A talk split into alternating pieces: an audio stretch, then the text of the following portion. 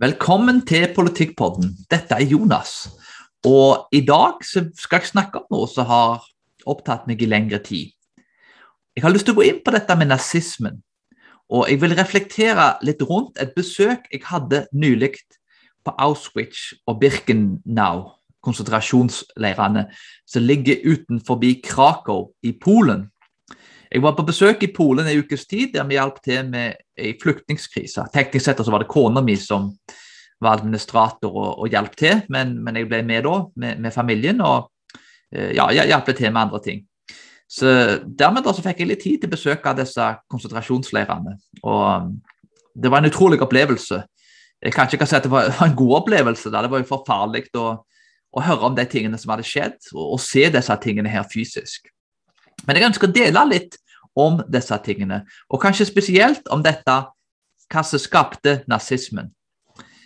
Og jeg vil begynne å dele en historie fra R.C. Sprouls bok som heter 'Ideas Have Consequences'. R.C. Sproul fant en sommerjobb med å vaske gulver og traff en annen arbeider. Sproul sitt hovedfag er jo da i altså studiet er i filosofi. Og Han begynte å diskutere filosofi med den han jobba med. Og Han var veldig overraska at en voksen mann som jobba på fulltid og vasket gulv, hadde en sånn enorm filosofikunnskap. R.C. Sproul, som er jo en veldig kjent teolog og forkynner, fikk vite at denne mannen hadde en doktorgrad i filosofi og hadde vært professor i Tyskland. Når Hitler fikk makten, så fjerna Hitler intellektuelle som var uenige med han. Denne mannen ble fjerna fra sin posisjon fordi han talte mot nazismen. Flere av barna og kona hans ble arrestert og drept. Men han og den ene datteren klarte å flykte fra Tyskland og kom til Amerika. Sprawl spurte hvorfor han ikke underviste filosofi, og han svarte at filosofi hadde ødelagt livet til det han elsket aller mest, og det hadde ødelagt hans liv. Med tårer i øynene sa han at nå levde han kun for dattera si. Denne mannen kom fra Tyskland, et land som har lagt stor vekt på filosofi. Hans familie ble ødelagt fordi Hitler forsto at ideer og filosofi har konsekvenser. Og det kan være farlig, til og med. Hitler frykta ideene til denne mannen så mye at han ville ødelegge denne mannen og familien. Men aller viktigst, han ville ødelegge ideene til denne mannen. Han ville ikke at ideer som sto i strid med sine ideer, skulle undervises på universitetene. Hitler sine ideer og nazismen ledet til Auschwitz og Birkenau, som er to konsentrasjonsleirer utenfor Polen. så De ble brukt til å drepe enormt mye folk. Det var millionervis av jøder som ble drept. Eh, ikke alle ble drept i de konsentrasjonsleirene, men veldig mange ble drept der. Og Det var en hele verdenskrig som tok enormt mye liv. Fordi du hadde en, en mann som var overbevist om at han skulle rense verden fra ulike raser.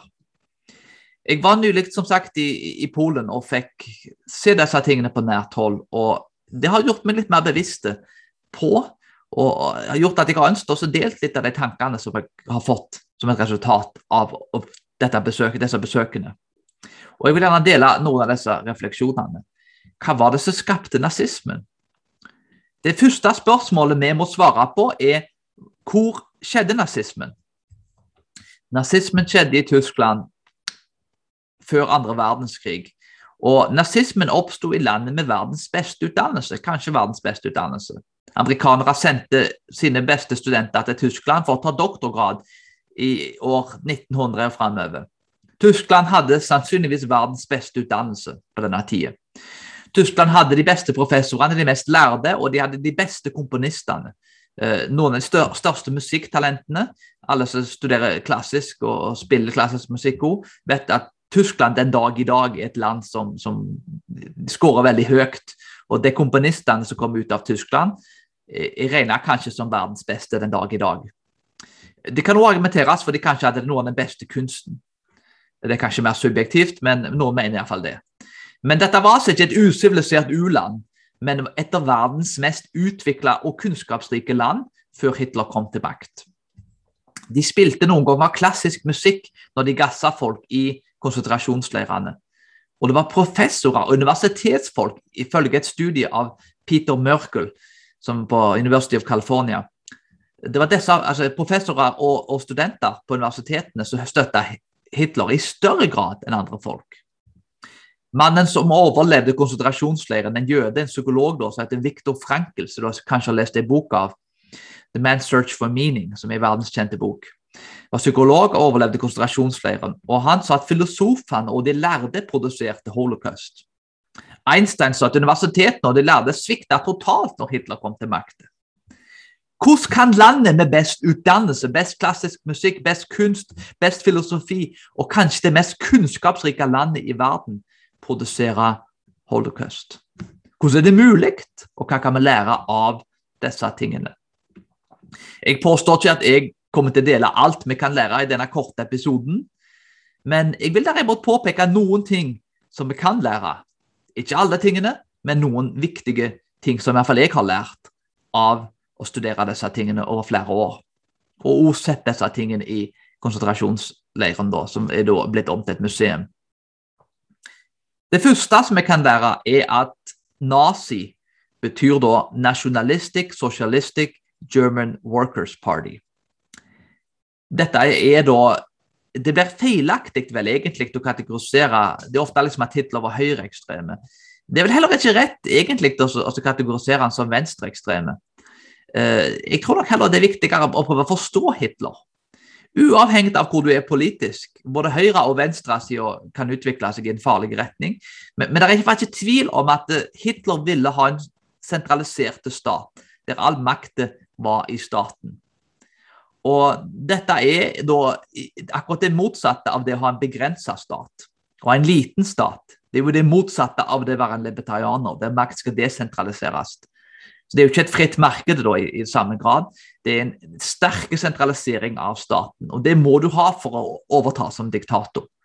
Det ble da et ekstremt kollektivt samfunn, og ikke da et individualistisk samfunn. Alt ble politikk i Tyskland og ble oppslukt av politikken. Alt ble politisk, og staten tok over alt. Gud ble separert fra staten, og kirka ble også oppslukt av staten. Stat og kirke som institusjoner bør være separerte, sånn at de kan kritisere hverandre, holde hverandre ansvarlige.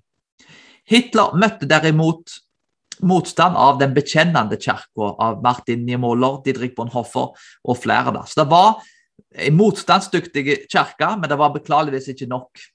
Men de ytte en, en motstand, og Didrik Bonhoffer da, er jo en av de mest kjente martyrene. Han prøvde jo å plante en bombe under Hitlers bord, så, men klarte beklageligvis ikke å få det til. Og dermed da, så, så, ble han satt i fengsel og død rett før krigen var over. Tyskland hadde jo da en statskirke, og i tillegg da til å knuse all motstand, så brukte Hitler lønningene på å kontrollere kirka. Hitler ville forsikre seg om at kristendommen ikke hadde noen innflytelse i det offentlige. Jeg tror ikke Hitler egentlig brydde seg om hvem du tilba. Helt i orden å være kristen, så lenge du ikke snakket om det i det offentlige.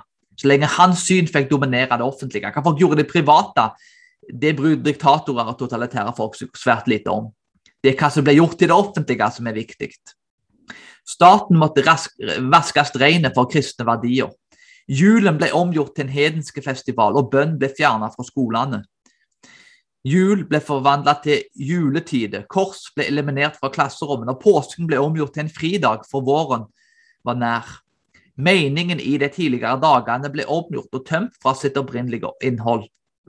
Kristendommen måtte bli sekularisert, og pastoren Niemöller kritiserte nazistene og ble fengsla for det. Hitler gjorde seg immune mot kritikk. Den liberale bibelkritikken hadde også tømt mye av Bibelen for troverdighet og kraft. Liberalteologien kom ganske tidlig til Tyskland, det er jo det Tyskland egentlig er kjent for, å produsere svært mange liberale teologer. Og Disse folkene hadde jo da omgjort Jesus til, til et koselig lam, en, en, en, fyr som var temmelig ubetydelig, og som ikke formidla sannhet. Og kristendommen kunne ikke eksistere så lenge det var at den ikke var totalt private, uten noe som helst innflytelse i det offentlige. Sånn ville Hitler ha det. Hitler kunne også godkjenne en ekstremt sekulær og liberale kristendom. Igjen så lenge han ikke hadde noen innflytelse i det offentlige. Hva du gjør bak lukte dører, bryr som sagt ikke diktatorer seg om. Gud ble fjernet fra staten, og kirka ble oppslukt av staten. Det andre er at det, det er alltid økonomien. Første verdenskrig hadde gjort Tyskland sårbare økonomisk. Folk var sure og gretne, og ville ha noen som kunne komme inn og rydde opp i rotet. De ville ha brød og jobb. Folk flest velger brød og pølser over individuell frihet. Hitler ga dem brød og jobb, men han fikk friheten deres. Den tok han fra dem. Den amerikanske grunnleggeren Benjamin Franklin sa «Any society that will give up a little liberty to gain a little security will deserve neither and lose both». Under slike omstendigheter er det lett for politikerne å manipulere situasjonen til å oppnå egne mål. Og Beklageligvis har Benjamin Franklin rett. Folk gir opp friheten sin for å få disse tingene. Hitler var spesialist i propaganda og utnytta situasjonen til det fulle. Beklageligvis så spilte økonomien da en rolle i dette, til tross for økonomien alene var ikke ansvarlig for det. Det tredje er at propaganda kan forandre en nasjon. Hitler var overbevist om at bøker alene ikke kunne bringe en revolusjon. Det verbale ordet var mye mer effektivt. Hitler var mer opptatt av å berøre folk følelsesmessig enn rasjonelt. Hitler brukte mange slagord. Winston Churchill sa «The desire to believe something is much more persuasive than rational argument». Og Det er helt sant. Det er interessant at en militant oppretter av ACTUP, altså en da militante homoseksuelle gruppe, sa åpent at han brukte da Hitlers main kamp for å legge strategier for å bruke i sin kampanje. Ifølge Hitler så måtte løgnen heller være stor enn liten. Og Jeg sier ikke at denne personen som gjorde dette, støtta Hitler nødvendigvis. Jeg bare sier at Hitlers metoder var så uhyre effektive at det er mange som har brukt de metodene som i utgangspunktet er uenige med Hitler. Med tanke på at Hitler drepte homofile, og han ville utrydde dem. Så, men det viser jo hvor utrolig effektiv Hitler var i propaganda. At folk som egentlig hater Hitler, bruker metodene hans den dag i dag. Folk hadde en større sjanse å tro en stor løgn enn en liten løgn, ifølge Hitler. Og Propaganda her kan forandre en nasjon. Og Det er svært viktig å forstå at det, i dag så har vi mye, mye bedre teknologi og mye større redskaper og bedre redskaper til manipulasjon enn Hitler hadde tilgjengelig på sin tid. Potensialet i dag er faktisk mye større til å spre propaganda enn hva det var på Hitlers tid. Det fjerde er at staten overtar foreldre sine oppgaver til å lære opp barn. Hitler var svært opptatt av at barn skulle utdannes av staten og ikke foreldrene. Hitler sørga for at barn og ungdom hørte staten til. Han ville lære opp den neste generasjonen i nazistisk propaganda. Hitler var imot alle typer privatutdannelse. Denne utdannelsen inkluderte selvsagt mye hat mot jøder og alle typer annen rasisme. Hitler var også opptatt av å kontrollere tekstbøkene. Hvis jeg kontrollerer tekstbøkene, så kontrollerer jeg landet. Svært mye av det som skjedde i Tyskland, ser vi i dag i Vesten. Og Det betyr ikke at nå plutselig kan sitte og vente på at Hitler skal komme og overta. Det er ikke det jeg vil prøve å si. Men jeg ser mange av de samme trekkene som leder til nazismen, utvikler seg i dag. Vi ser klare autoritære trekk. Og Hitler var, i likhet med mange av våre eh, medier og andre ting, veldig opptatt av å bruke bilder og film til å manipulere folk. Og vår kultur er mye mer visuell enn Tyskland var før krigen. Svært mye av dagens kultur er basert på visuell underholdning. Og det er utrolig lett å bruke propaganda i et sånt klima, der du kan berøre folk emosjonelt. Eh, for å nevne et veldig kvikt eksempel her, så kan jeg si at eh, tenk sjøl hvis du leser ei side i en bok der folk argumenterer for en sak, og så etterpå så, så ser du eh, et bilde kanskje av ja, ei jente med et atomkraftverk eller et eller annet. Så, så det står da altså Se hva, se hva atomkraftverkene gjør mot denne jenta, jenta da, som har skada hud eller et eller annet. Da. du blir berørt emosjonelt. Du ser hvem kan gjøre sånne ting mot barn. Så det er hele sida som står skrevet, der du må bruke hjernen din på å lese, prøve å forstå argumentasjonen. At uh, sånn og sånn og sånn henger det sammen. Likt er det hvis du, hvis du hører på ting uten å se bilder. Hjernen må tenke igjennom. Er det rasjonelt, det som blir sagt her? Henger det sammen? Altså, I en podkast Du kan ikke ha en populær podkast uten at du kommer med noen argumenter som er litt vetlige. Du kan ikke nå ut til folk, fordi folk vil klare å koble ting på en helt annen måte. Men med bilder og film så kobler hjernen ut, og du kan bare se bildene. Og, og, og, og, du klarer ikke alltid å koble hva som er rasjonelt eller ikke. Jeg sier ikke noe galt med bilder og film, det er åpenbart at det er en fantastisk ting. Men det kan lett bli brukt til å utnytte og manipulere folk. Sammenlignet med tekst og med ord som du hører da, når du ikke ser bilder. Sånn fungerer propaganda. Nummer fem. Rett og galt var jo tidligere definert av Gud og ikke av natur. Og dette med Gud da ble fjerna. Både nazistene og fascistene foretrakk en moralsk relativisme. Hitler hata kristendommen. Målet til Hitler var å gjøre alt som var kristent, helt og holdent hedensk.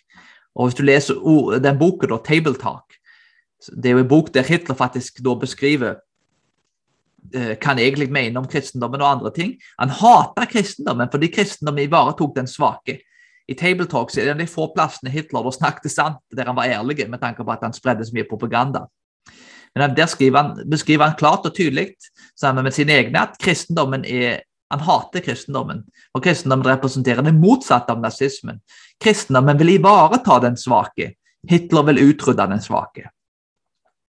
Nummer seks natur og menneskeverd. Folk, når jeg var i konsentrasjonsleiren, så ble merka jeg én ting, at folkene som ble gassa, ble redusert til et tall. Legen Mengele forska på barn.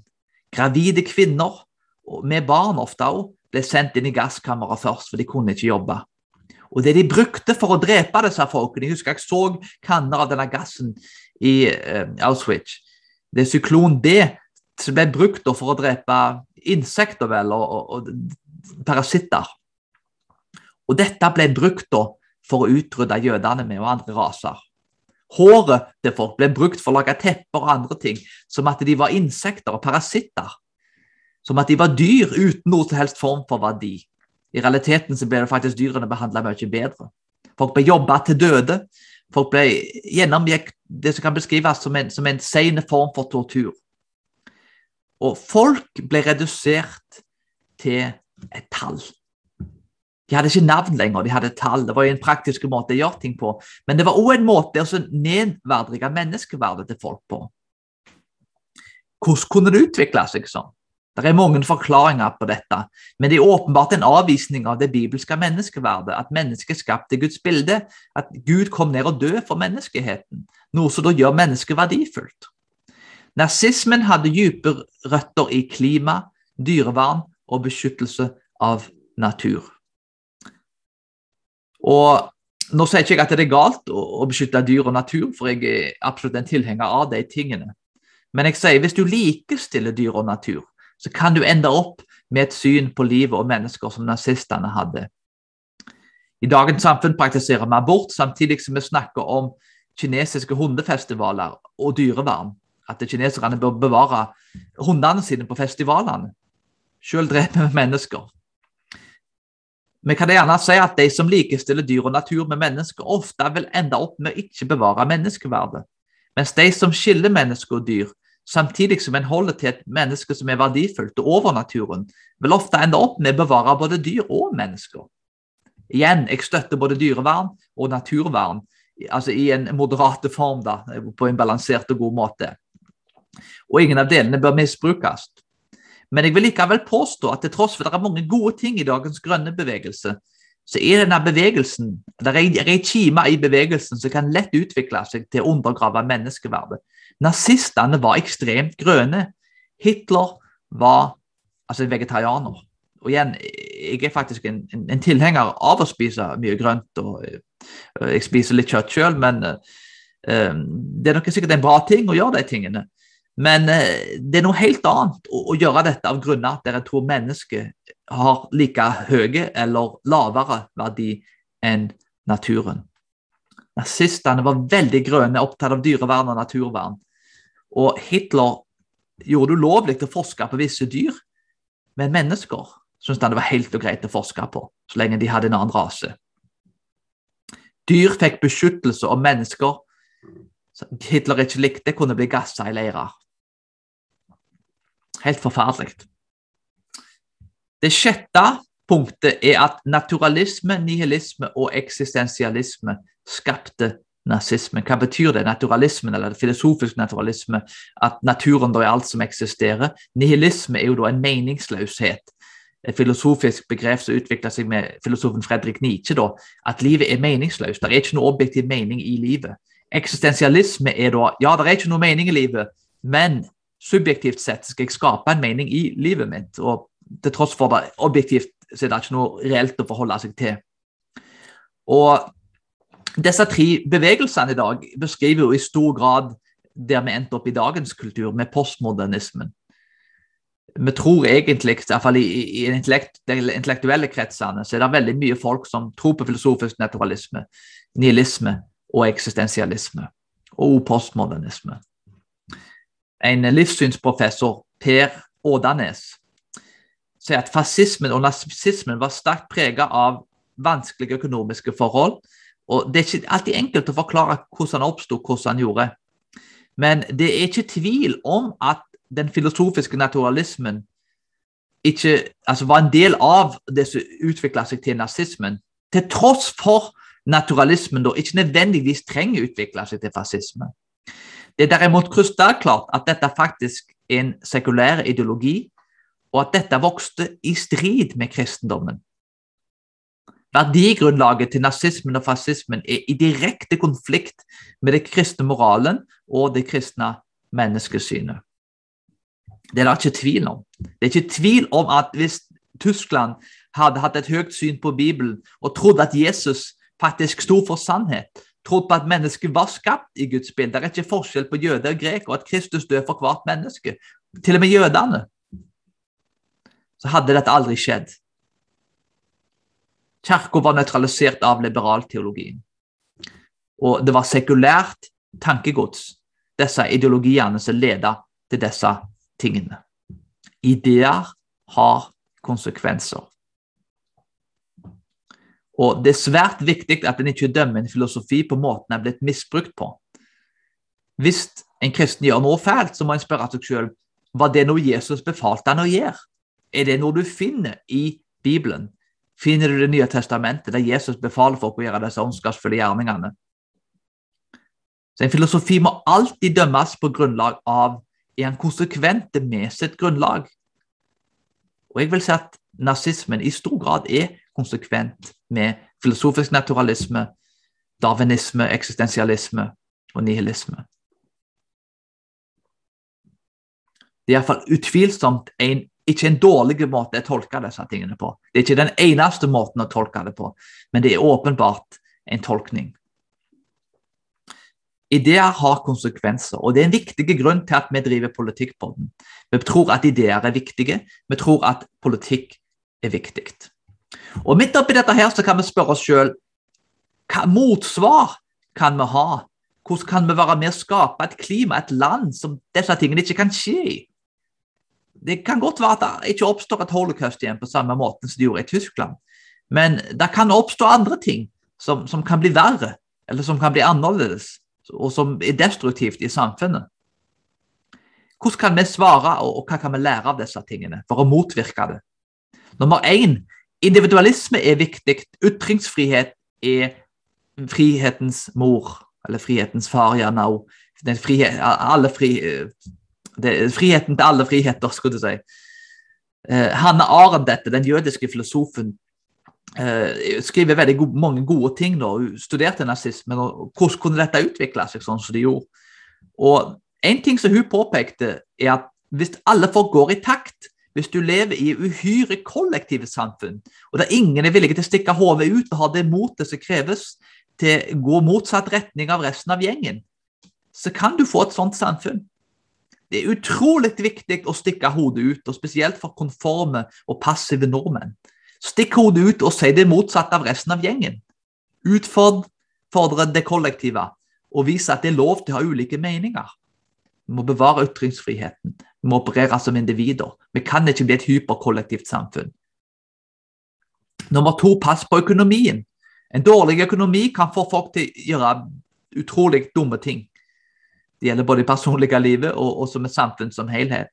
Og det å ha god økonomi er viktig. Nummer tre propaganda og sannhet er sentralt i utviklingen av et samfunn. Propaganda skapte et løgnsamfunn. Et samfunn der du kan dikte opp ting om andre folk, ting som ikke er sant. Vi må ikke lyge på et individuelt nivå.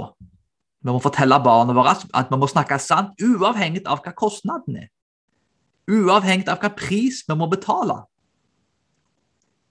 Uansett om vi blir urettferdig behandlet eller ei. Nummer fire staten bør ikke alene være ansvarlig for å utdanne barn.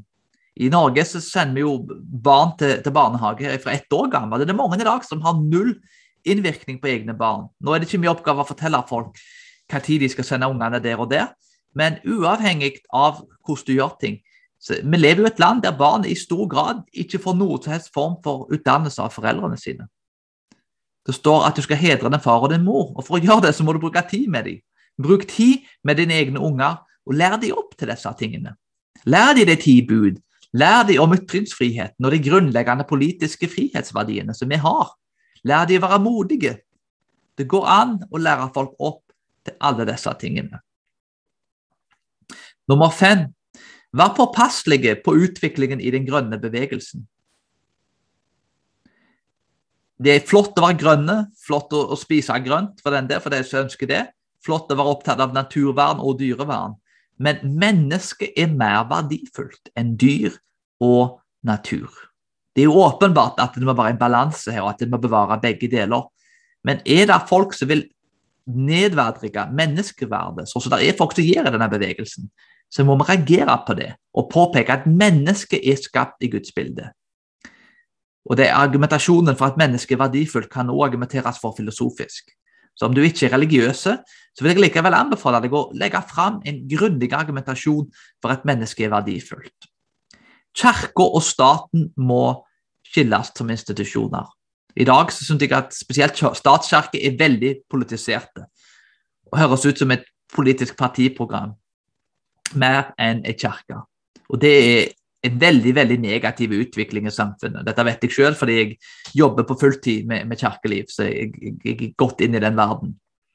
En må ha skille mellom stat og kirke som institusjoner. og Min mening er at en forkynner skal aldri politisere prekenene sine. Det må man være veldig bevisste på. Ikke gå og hør på prester og pastorer som snakker politikk fra prekestolen. Nummer seks Naturalismen, nihilisme og eksistensialisme skapte nazismen. Og etter min mening, til tross for at det sikkert er noen her som kanskje ikke er religiøse engang, dette må motvirkes med ideer som er bedre. Jeg mener at kristendommen er nødvendig for å motvirke disse ideene, og at avvisningen av kristendommen var det som ledet til de ideene. Så Uavhengig av om du er kristen eller ei, kristendommen er bra for landet. Så Du kan støtte det ti bud, du kan støtte den, den kristne troen. Og du kan støtte at et land bør ha et tro på Gud som en bra og en positiv og byggelig ting. Uavhengig av om du sjøl tror. Så Du kan gjerne til og med legge fram en argumentasjon for kristendommen og viktigheten av den, sånn som Tom Holland, artisten som skrev boken 'Dominion', har gjort, og mange andre artister med han. Vi må motvirke dårlige ideer med gode ideer.